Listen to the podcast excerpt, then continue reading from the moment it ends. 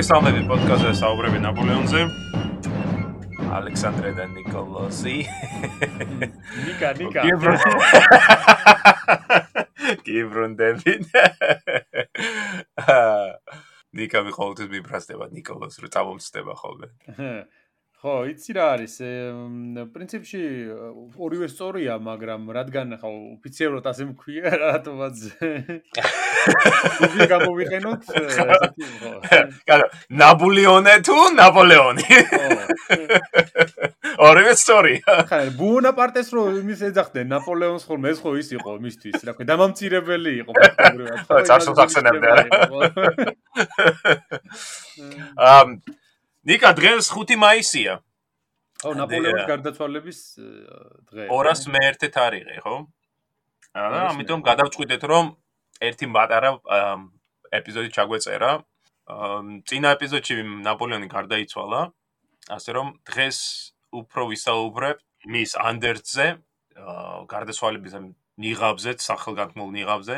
რომ ფიქრობ ძალიან საინტერესო თემა არის. ო ნაპოლეონი აღარ ყავს, მაგრამ მაინც გძელდება პოდკასტი, ხო? ბევრი საინტერესო თემა მის შემდეგაც განსახილველი, ანუ მისი მემკვიდრეობა იმ ხელა თემაა, რომ თალკე პოდკასტი შეიძლება გაკეთდეს იმასე. მართალი ხარ, ასე რომ არ არ ვაშვებით, არა? გავაგზავნებთ პოდკასტს. სანამ გვექნება ინტერესი და ენერგია, ჯერ კიდევ მიუყვებით.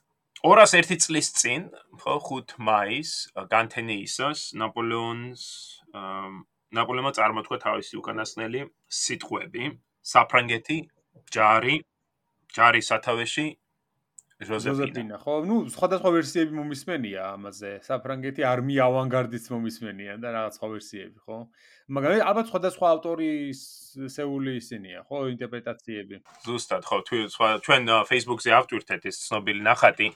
რომელიც ნაპოლეონის სიკვდილს ასახავს და რომელზეც გამოსახულია მასთან მყოფი სხვა სხვა პირი. და რა თქმა უნდა, თითოეულ მათგანს გქონდა ან დღიური, ან წერილი, ან შემდგომში უკვე მემუარი, რომლებიც აქ ქონდა აღწერილი ეს გარდაცვალების მომენტი. და რა თქმა უნდა, სხვადასხვანაირად ახსოვდა და გასაკვირი აქ არ არის. იმიტომ რომ ზოგიერთი ახლოს იყო, ზოგიერთი არც ისე, ხო, თვითონ მომოკვდავ ადამიანთან. ჩემთვის საინტერესო ის არის, რომ ნაპოლეონი თავისი სიცოცხლის უკანასკნელ წამებში აი მართლაც რომ ხას უსვავს მისთვის ყველაზე სამ ყველაზე მნიშვნელოვან რამს, ხო, ეს არის ქვეყანა, ჯარი და ქალი, რომელიც მას მართლაც უყვარდა, ხო, ძალიან უყვარდა თავდაპირველად, თუმცა შემდეგ უკვე ნაგროვს ნახე ჩვენ ეს გზნობები გაუნელდა, მაგრამ აშკარა არის ცხოვრების ბოლომდე მაინც ჟოზეფინა მისთვის არის ის ის ის ადამიანი, რომელიც რომელიც რომელიც მას მართლაც უყვარს. ნაპოლეონი რო გარდაიცვალა, მას ჩაუტარდა ოტოპსია, რომელიც მომდევნო დღეს სხვა შორის ბრიტანელი და ფრანგი ექიმის ექიმების თანდასწრებით განხორციელდა.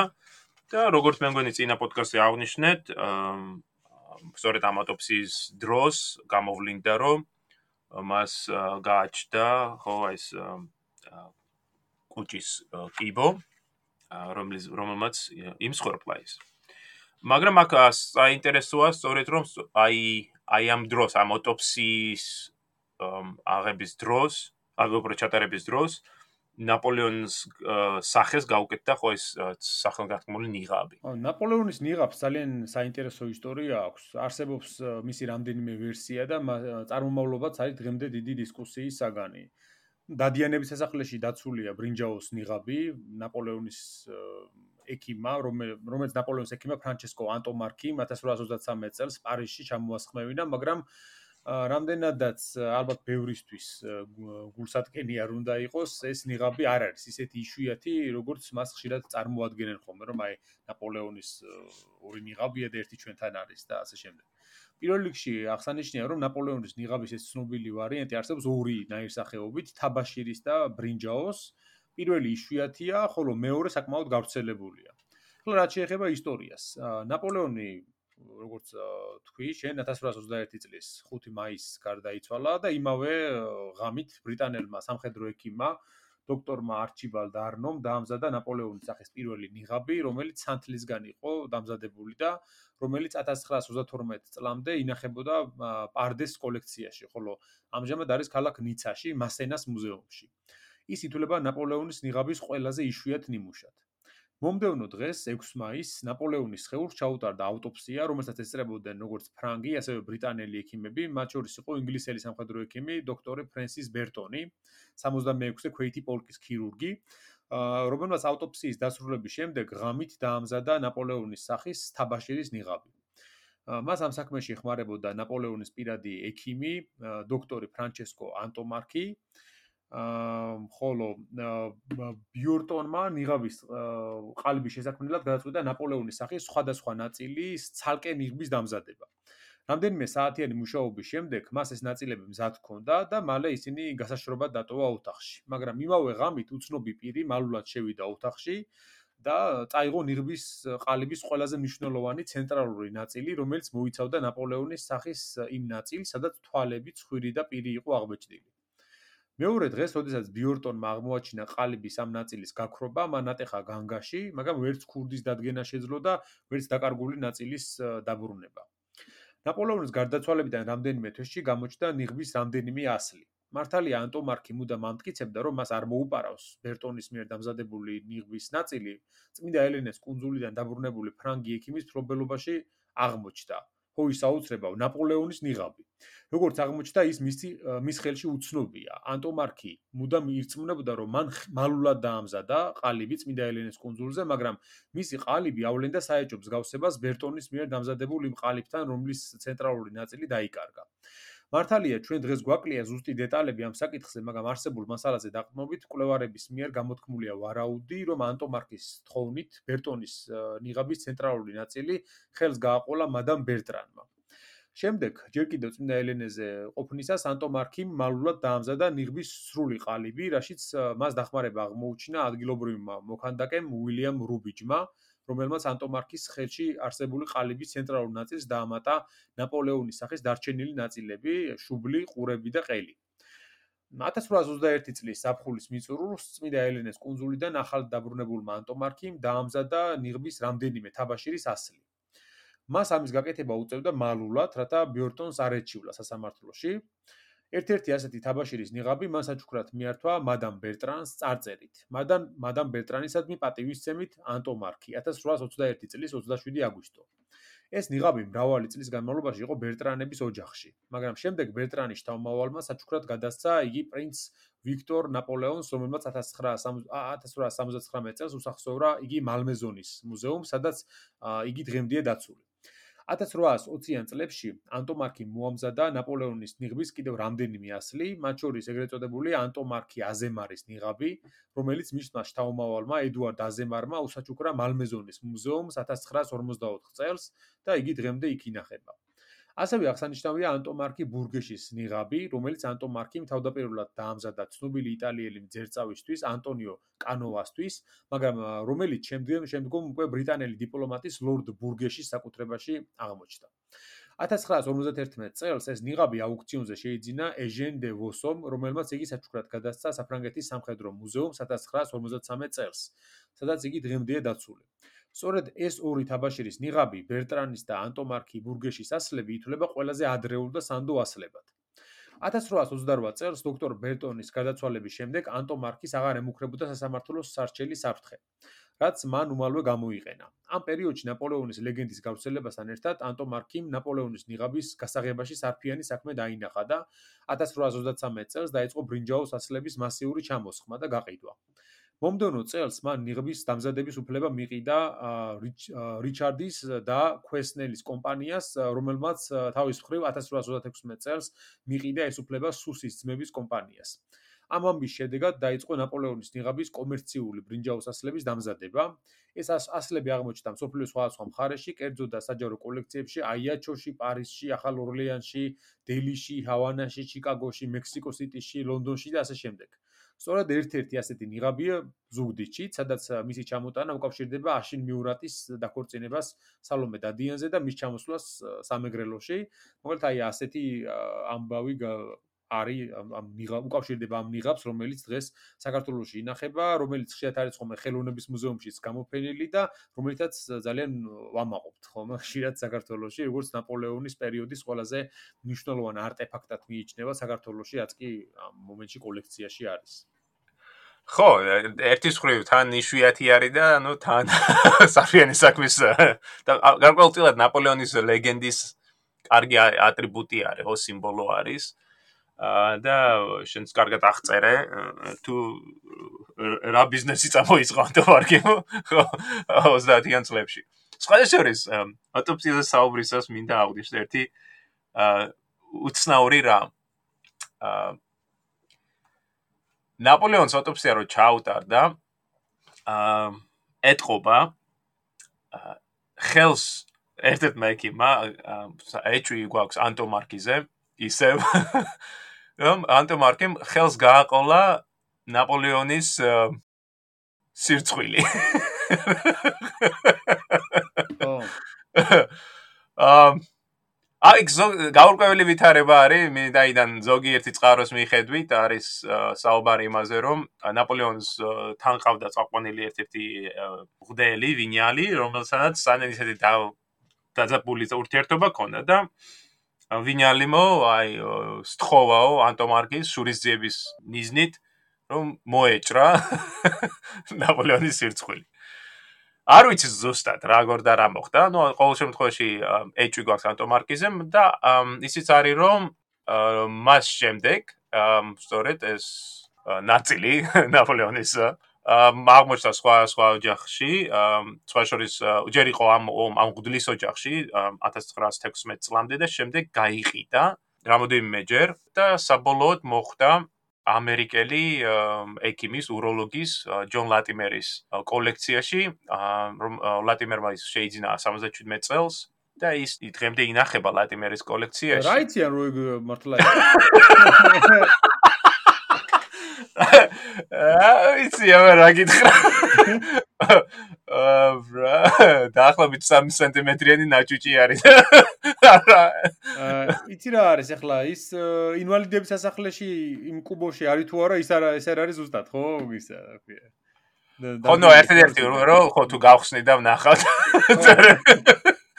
მანამდე ვერ გავარკვევ რეკონსტრუქცია თუ არ გააკეთე ისე ვერ გაიგებ თვითონ ის ფაქტი რომ ვიღაცას ვიღაცას აქვს ვიცი მაშინ ჭიგაში უდევს უროლოგს თავის ოფისში აა საწოდავი ნაპო მინდა ალბათ ძალიან საინტერესო არის თუ განვიხილავ ნაპოლეონის ანდერს იმიტომ რომ აი ცხოვრების აი უკანასკნელ დღეებში სწორედ აპრილის შუა რიცხვებიდან დაწყებული ნაპოლეონი ну ხდება რომ მისი მდგომარეობა უარესდება და ამიტომ იწყებს მუშაობას ანდერძზე. ა ნაპოლეონის ანდერძის ას დედანი არის დაცული საფრანგეთის ეროვნულ არქივში. მე შეიძლება მქონდა ერთ რამდენიმე კოდიცილი მენახა მისი და სურათი გადამეღო. და მართლა საინტერესო არის ვინაიდან საკმაოდ ვრცელი ანდერძი არის. შეძგება 13 ცალკეული საბუთისაგან, რომელსაც კოდიცილებს უძახიან და ზოგიერთი მათგანი საკმაოდ ცნობილია, ზოგიერთი ნაკლებად, მაგრამ თითოეული საინტერესოა თუ რას მოიცავს. პირველი დედანი, პირველი ანდერძი ნაპოლეონმა დაწერა, შეადგინა უბრალოდ ლონგვუდში 1821 წლის 15 აპრილს. და მე მგონი ეს საკმაოდ აი ეს არის ეს ეს პირველი კოდიცილი არის ყველაზე ცნობილი. შენ მე მგონი ნახე კიდევაც რომ ალექსანდრე დიუმას გამოცემაში არის ხო ქართულენოვანი. ალექსანდრე დიუმას გამოცემაშია.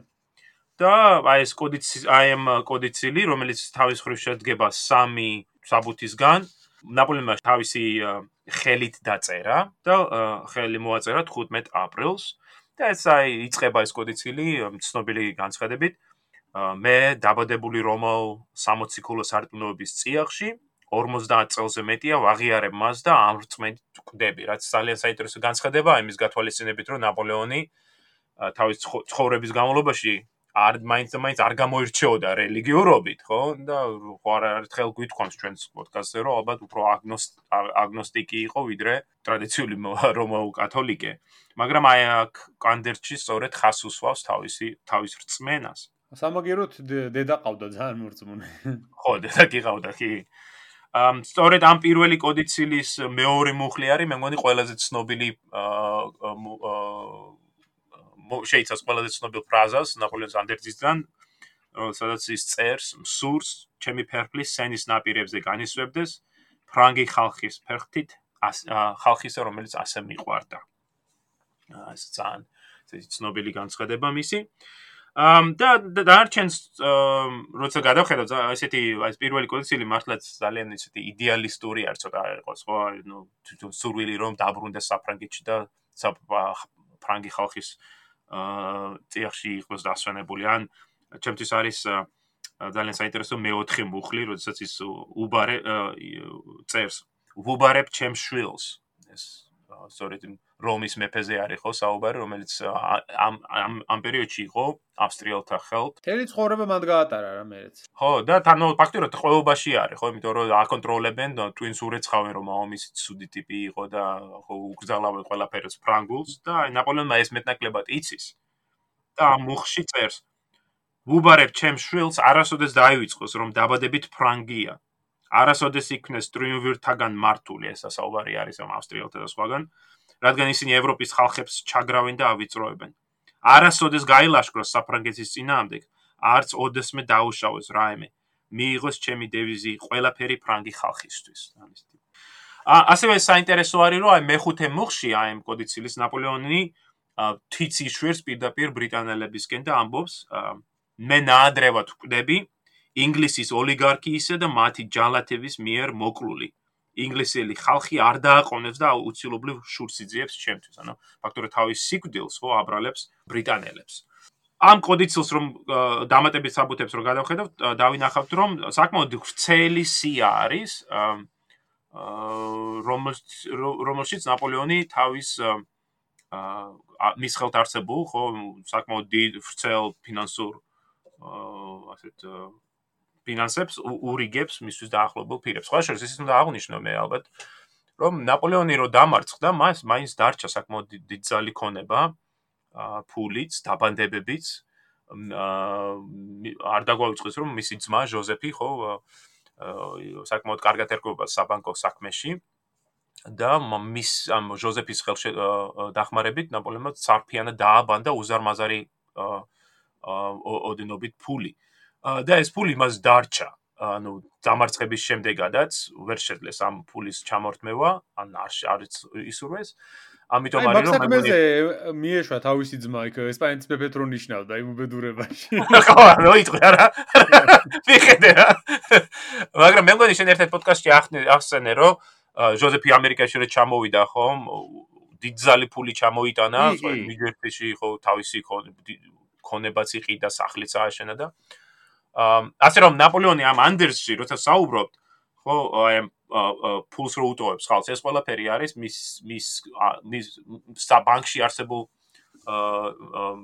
ფინანსებზე საუბარი და ანუ აი მაგალითად ბერტრანს მისთვის უახლოეს თანაშემწეს დივანს და მართლა ახლო პიროვნებას ბერტრანს და უტოვებს 500000 ფრანკს ან ვთქვათ სენდენის ეს სწორედ ის მამლუკი ხო? ალი ფრანგი კი იყო მაგრამ მამლუკად ასახებდა თავს. ლუი ეტიენ სენდენი ხო? სენდენი ხო რუსტამი რო არ გაყვა სამაგეროდ სენდენი გაყვა და სენდენის ერგო 100000 ფრანგი ფრანკი.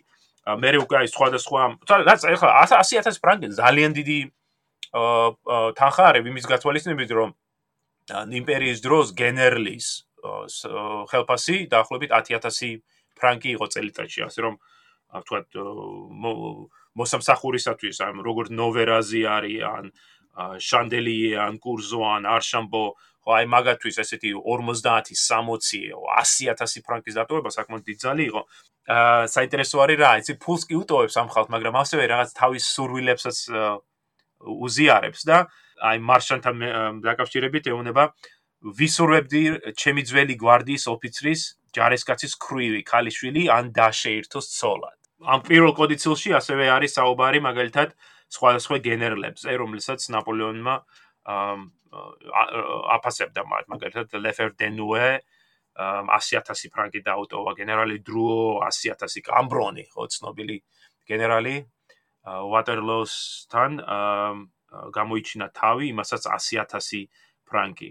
გენერალ მუტონი, რომელიც დაიღუპა, მის შვილებს დაუტოვა ნაპოლეონმა 100000. ასევე დაუტოვა ლაბედუარის გენერალ ლაბედუარის ოჯახს 100000. გენერალი ჟირო, შარტრანი, ტრავო, ლალემანდი, ანუ ისეთი ადამიანები, რომელმეც შეიძლება დღეს არ ვიცნობდეთ მათ კარგად, მაგრამ ნაპოლეონ მართლაც აიხსენებს ამ გენერალებს, რომლებიც დაიღუპნენ ამ ბრძოლებში სხვადასხვა დროს და მათ უტოვებს დიდძალ, მათ ოჯახებს უტოვებს დიდძალ ქონებას. ამ ჩემი ერთ-ერთი ესეთ საყვარელი მომენტი ამ პირველ კოდიცილში 31 მუხლი რომლითაც ნაპოლეონმა 100000 ფრანკი დაუტოვა პოლკოვნიკ მარსელინ მარბოს. მემუარები რო დაწერა ხო? მემუარები და სხვა შორის ამ ამ კოდიცილში ნაპოლეონი წერს. პოლკოვნიკ მარბოს უტოვებ 100000 ფრანკს. ვავალებ განაგრძოს წერა ფრანგული არმიის დიდების დასაცავად და შეარცხინოს ცილის წამელები და განდგომილნი.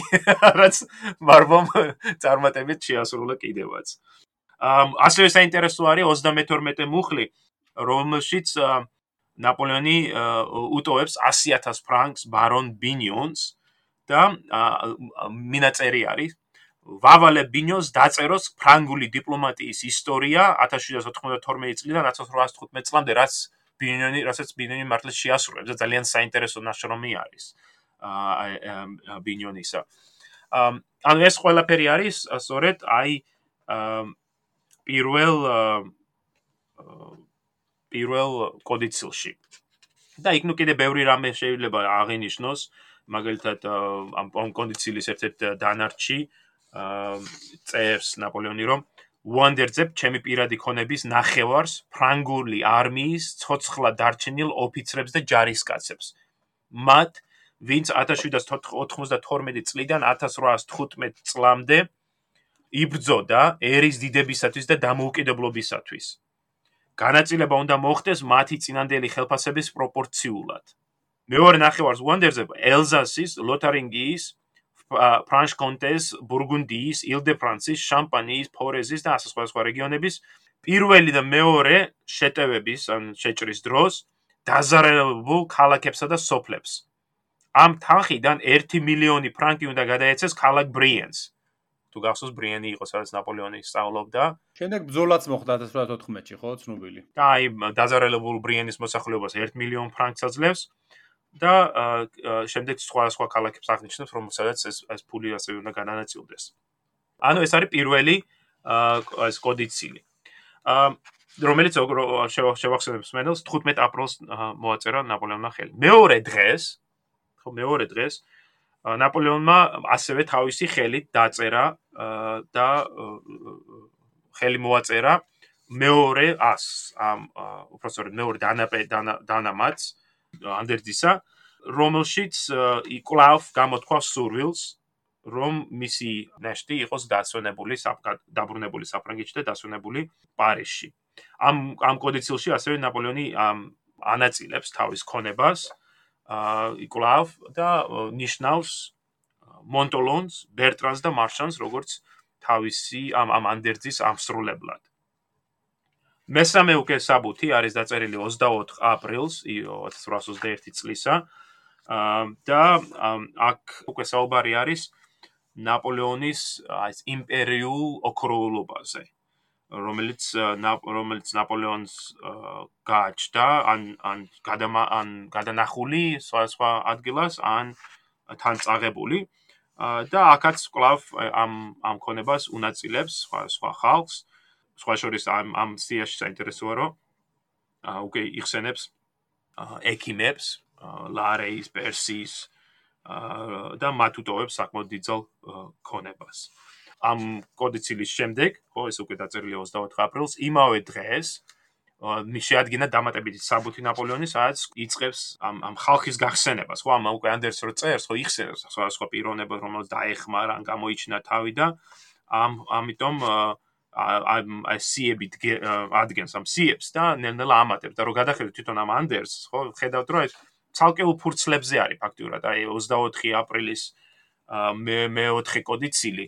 არის სულ რაღაც ორ გვერდ ნახევარი და ფაქტიურად ხედავ რომ ნაპოლეონმა გაახსენდა რომ აი ეს ხალხი გამორჩა და უცებ დაწერა და ხელი მოაწერა და დაურთო. ისე რა დროსა აქვს უბრალოდ დაწერილი, ვიცით რომ წმინდა ელენეს უკვე ბოლო უკვე როცა შეატყო რომ ძალიან ისე იყო თუ ცოტა უფრო ნაადრევად. ხო, ხო, უკვე ცუდად რო არის, იმიტომ რომ იწყებს 16 აპრილს და ნელ-ნელა უარესდება ვის ვითარება, ხო ვიცით მაგალითად 21, 22, 23 აპრილს წერს ამ კოდიცილებს, ხელსაწერს 24-ში. და ამ დროს საკმაოდ შეუძლოდ გრძნობს თავს. მეექვსე კოდიცილი შეეხება მარი ლუიზას, ნაპოლეონის მეორე ცოლს, ვინაიდან ნაპოლეონმა მას დაუტოვა დიდძალი ქონება ფულადი. და ნუ ამ დროს ჩვენ ხო ვიცით რომ ავსტრია ავსტრიაში არის მარი ლუიზა და ასე ღალატობს თავის ქმარს, ხო ავსტრიის იმპერატორმა ხელი შეუწყო ამას. და მიუჩინა ოფიცერი, ალბათ ვისაუბრებთ კიდევაც მაგაზე შემდეგში. ნეპიერი, რომელმაც ნეპიერგი, რომელმაც შეაც ისე შეაცდინა ეს ქალი და ფაქტურად საყვარლად გაიჩინა.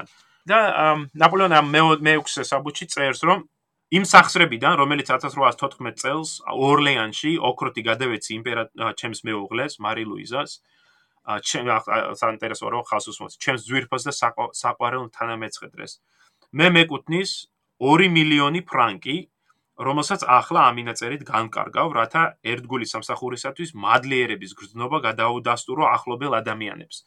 და ვთხოვ ჩემ ძვირფას მარი ლუიზას მრუზოლეობა არ მოაკლოს მათ. ბუნებრივია, მარი ლუიზას ნაკლებად ადარდებდა თავისი გმირი სურვილები და ანდერძები და ამიტომ ამ ამ კოდიცილში ნახსენები ფული, რომელიც ნაპოლეონმა დაუტოვოთ მისთვის და ახლო ხალხს ისეთები ისეთები ისეთ ხალხის როგორც იყო დიურო გენერალი დრუო ან მიშელ დიუროკი ან გენერალ ლავალეტი რომ რომ არაფერი თქვა მაგალითად მე-15 მუხში არის საუბარი დარჩენილი 300000 ფრანკი უნდა დაურიგდეს კუნძულ ელბაზე ჩემი გვარდიის ბატალიონების ცოცხლა დარჩენილ ოფიცრებს და ჯარისკაცებს. ანდა მათ კრივ ობლებს. მათი ხელფასის პროპორციულად და იმ შესაბამისად რომელიც უკვე შედგენილი იქნა. მოკლედ ეს ფული არ იქნა გადაცემული და მხოლოდ მეორე იმპერიის დროს როცა ნაპოლეონ მესამე მოვა ხელისუფლებაში მოხდება აი ამ ფულის მართლაც დაარიგება ანუ ისე ვის ევალებოდა ამ ყველაფრის გადანაწილება ნაპოლეონის ანდერძის მიხედვით მის უფროს ძმას? არა სხვა შორის ჟოზეფი არ არის აქ ანუ ანდერძის აღსრულებელი აღსრულებლები არიან მონტოლონი ბერტრანი და მარშანი. ანუ ეს სამი კაცი განაგებს როგორ იქნება ანდერძის შესრულებული. 15 აპრილს ნაპოლეონი ადგენს კიდევ ერთ დამატებით საბუთს, რომელშიც წერს ის, რომ 1815 წელს ნაპოლეონი გადასახლებაში წასვლის წინ შეხვდა ნაპოლეონი ბატონ ლაფიც, ცნობილი ბანკირი არის, ფრანგი და სწორედ მას გადასცა 6 მილიონი ფრანკი დასაბანდებლად. და აი ახლა უკვე 1821 წელს, ანუ 6 წლის შემდეგ, წმინდა ელენეზე მომოკვდავი ნაპოლეონი იხსენებს, რომ ეს 6 მილიონი ფრანკი უნდა ყოფილიყო დაბანდებული ყოფილიყო 5%-იანი დარიცხვით. და მას სურს, რომ აი ეს თანხა თავისი მოგებით იქნას გამოყენებული აა სხვა ადამიანის, მათ შორის ჯარისკაცების და მათი კრების ხელშესაწყობად. აა სხვადასხვა ნაპოლეონმა 100000 ფრანკი უანდერძა ოფიცერს კანტიონს გასამართლებულს ლორდ ველინგტონის სიცოცხლის ხელყოფის ბრალდებით, რაშიც იგი დამნაშავედ არ იქნა ცნობილი. ნაპოლეონის ანდერს მიხედვით კანტიონს ისეთივე უფლება ჰქონდა მოეკლა ეს ოლიგარქი, როგორც მას ჩემი სასიკვდილოდ გაგზავნა წმინდა ელენეს კლდეზეო, აღნიშნავს ნაპოლეონი. ველინგტონმა, რომელმაც წამოაყენა ეს წინადადება, თავს დიდი ბრიტანეთის ინტერესებით იმართლებდა. კანტიონს მართლაც რომ მოეკლა ლორდი იმავე მოტივით, საფრანგეთის ინტერესების დაცვით იქნებოდა გამართლებული. საფრანგეთი გათავისუფლდებოდა გენერლისაგან, ვინც დაარღვია პარიზის კაპიტულაციის შესახებ დადებული ხელშეკრულების ყველა მუხლი და აქედან გამომდინარე, ვინც პასუხისგებელი გახდა მოწამეების ნეის, ლაბედაუერისა და სხვათა დაღვრილ სისხლზე. რომ არაფერი ვთქვათ იმ დანაშაულზე, რაც მუზეუმების ძარცვისას ჩაიდინესო. ხო, ეს არის ციტატა ხომ ნაპოლეონის ანდერძის მეხუთე მუხლიდან, ეს 24 აპრილის კოდიცილიდან. ძალიან საინტერესო ესეთი მოიცა იმაში დატოვა დანაშაულებს, აი ლაბედუაიერის დაღვრილის სისხლში. იმიტომ რომ ნეი და ლაბედუა და ესენი ეს ხო და ნაპოლეონის დამარცხების მერე ხო გაასამართლე და სიკვდილი დასაჯეს. და ფაქტიურად ნაპოლეონი მათ აი ესეთ რატომ შეირჩა ნეის გარდა მაინც და მაინც ეს ლაბედუაიერი? ლაბედუაიერი ძალიან წარჩინებული ოფიცერი იყო საფრანგეთის ჯარში და 1815 წელს მეტეორობდა მე-7 სახაზო პოლკს. და ნაპოლეონი რო დაბრუნდა ელბიდან სწორედ ლაბედუარის აა საბერძნო იყო მე მგონი მისი გადაწყვეტილება რომ თავისი ქვედანაყოფით გადასულიყო ნაპოლეონის ხარეზე რითაც ფაქტურად მაგალითი მისცა დაარჩენ ჯარს რომ უკვე ექცია ზურგი ჩაექცია ბურბონების ბურბონებისათვის და ну ბურბონებმა რა თქმა უნდა ეს დაიმახსოვრეს ხო? და შემდეგ უკვე ნაპოლეონის ვატერლოსთან დამარცხების შემდეგ მას აა ბლაბედორიც სტილობს ამერიკაში გაიქცეს, მაგრამ დაადევნებიან ბურბონ ბურბონ ხელისუფლება დაადევნება და აპატიმრებენ და შემდეგ გაასამართლებენ მას და დასიკვილი დასჯიან 1815 წლის 29 აგვისტოს თუ არ ვცდები და საკმაოდ ახალგაზრდა არის, მაშინ მხოლოდ 29 წლის არის, ასე რომ ესეთი სიმბოლოდ იქცა, სწორედ ნაპოლეონესებისთვის ეს ამ ახალგაზრდა ოფიცრის იმპერატორისათვის თავგანწირვა და შემდეგ უკვე ეს სიკვდილი დაასჯა. ამ ეხლა აი ეს მომენტი ეს მეხუთე მუხლი ძალიან ესეთი უცნაური არის, ხო? აი თითქოს აი ნაპოლეონი აი აა აჯილდოებს ადამიანს აა კულელობისათვის, ხო? ცოტა ესეთი მომენტი არის. ახლა რა აა ეს კანტილიონი იყო მის სრული სახელი არის მარი ანდრე ნიკოლა კანტილიონი. იყო ფრანგი ოფიცერი, ფრანგი ჯარისკაცი, რა თქმა უნდა, მსახურობდა ნაპოლეონის ჯარში, გამოიარა კამპანიები და 1815 წელს ბევრი სხვა ფრანგივი ძალიან იმედ გაცრუებული არის, იმიტომ რომ საფრანკი დამარცხდა, ხო, ნაპოლეონი გადასახლებაში წავიდა და თუ ახლა ალბათ ალკე პოდკასტ ჩავიწერ ჩვენ საფრანგეთის საოკუპაციო ჯარების ყოფნაზე. ამ საოკუპაციო ჯარებს სათავეში ედგა არტურ ველსლი, ხო, ველინგტონის ჰერცოგი და 1818 წლის 11 თებერვალს გვიან ღამით კანტიონი მიუახლოვდა შანელიზეზე სასტუმროს, სადაც ველინგტონი ცხოვრობდა. და ველინგტონი ბრუნდებოდა დიდ წვეულებიდან, გვიან ღამე რა. და როდესაც მისი ეტლი გაჩერდა ამ სასტუმროს წინაშე, წინ კანტიონი გადაირბინა უცებ ქუჩის მეორე მხრიდან და გაისროლა დამბაჭა, ხო? სტყვი არ მოხდა, რა თქმა უნდა, ველინგტონს და ნუ იქვე დააპატიმრეს კანტიონი. და შემდეგ გაასამართლეს. და აი ამ სასამართლოზე ადვოკატებმა ორი რამ ორი რამ საინტერესო საინტერესო. ერთი რომ აა ტყვია, რომელიცაც რომელიც გაისროლა კანტიონმა, ვერ მონახა პოლიციამ. და ამიტომ ადვოკატებმა ერთ-ერთი ესეთი სადაო საკითხი წამოჭრეს რომ რა იცით რომ კლავდა ველინგტონს თქვია რომ ვერ დაგენ იქნებ შუაღამეს ხოში კონდა და გაისროლა იარაღი. ან ან ან დატენილი არისო ხო? ხო ხო დატენილი არისო მაგასა რომ ხოში კონდა და გაისროლა. და მეორე და უფრო საინტერესო არის რომ ადვოკატებმა ფრანგები არიან საზღვაო ფრანგულ სასამართლოში ფრანგ აა ფრანგ ნაფიცდა ხო საჯულთა წინაშე და ეონებიან აი როგორ შეგილია ცნოთ ეს ადამიანი დანაშავე როდესაც ჩვენი მტრის ხედავთ ხო ანუ ორმაგი ის არის რომ ერთის ხრივ არა არ კლავდა უბრალოდ დაუტანა იარახის ხრივ და მეორე ხრივ თქვა და კლავდა. მაგრამ როგორ გინდა გაასამართლო ეს ადამიანი? ერთ-ერთი სიტყვისას ეს ადვოკატი ამბობს თუ თქვენ ამ ადამიანს ამ კანტინიოს დანაშავე ცნობთ, ეს იქნება ეროვნული სირცხვილი. და გასაკვირი არ არის რომ აა კანტიონი გაამართლეს. ნაპოლეონმა ეს იცოდა, რა თქმა უნდა, ეს ეს მოხდა ყველაფერი 1818 წელს, შემდეგ 1819 წელს იყო სასამართლო და აი 1821 წლის 24 აპრილს ნაპოლეონმა კანტინიოს დაუტოვა 100000 ფრანკი, საკმაოდ სოლიდური თანხა.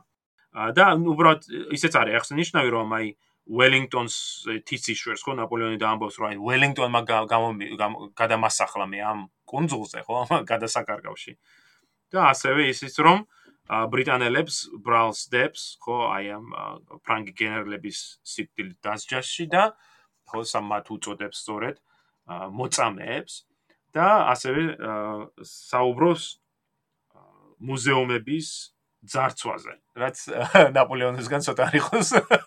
ცოტა სასაცილო იყო, ხო? ო, მთელი იტალია გატანილი ქონდა თვითონ. როგორ აღნიშნე, სულ თლიანობაში არის 13 საბუთი.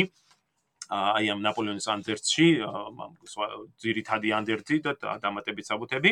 ალბათ ყველაზე საყურადღებო არის აი ბოლო წერილი, საკმაოდ ვრცელი, რომელშიც თავის შვილს თავის შვილს იხსენებს, იხსენებს თავის ოჯახს, თავის ნათესავებს და მათ უანდერძებს ან ნიფთებს, ან ან ან ფულს, რომლებიც როგორც აღნიშნე, სწორედ ამ ამ ანდერძის სრულად შესრულება, იმდენ იმდენ ფულს დაუხტოვებს, რომ სრულად შესრულება მხოლოდ მეორე იმპერიის დროს ნაპოლეონ მესამეს მიერ იქნება შესაძლებელი. ფიქრობ, მოალი პოდკასტების ხა ჩვენ პრინციპში ამოვწურეთ თითქმის თვითონ ნაპოლეონის ცხოვრების შესახებ დავამთავრეთ საუბარი. ეხლა ვაგზელებთ უკვე ნაპოლეონის სიკვდილის შემდეგ რა მე კვალი დატოა, მემკვიდრეობა დატოა ნაპოლეონმა, იმიტომ რომ აქ რჩება ბოლო-ბოლო ისეთი მოძრაობა საფრანგეთში როგორც არის ბონაპარტიზმი, ხო, რომელიც შემდგომში დიდ როლს შეასრულებს საფრანგეთის ისტორიაში მე-19 საუკუნის მანძილზე.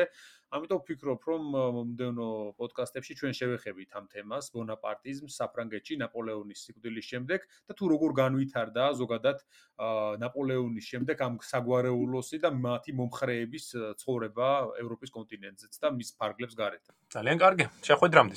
ნუ შეხვედრამდე.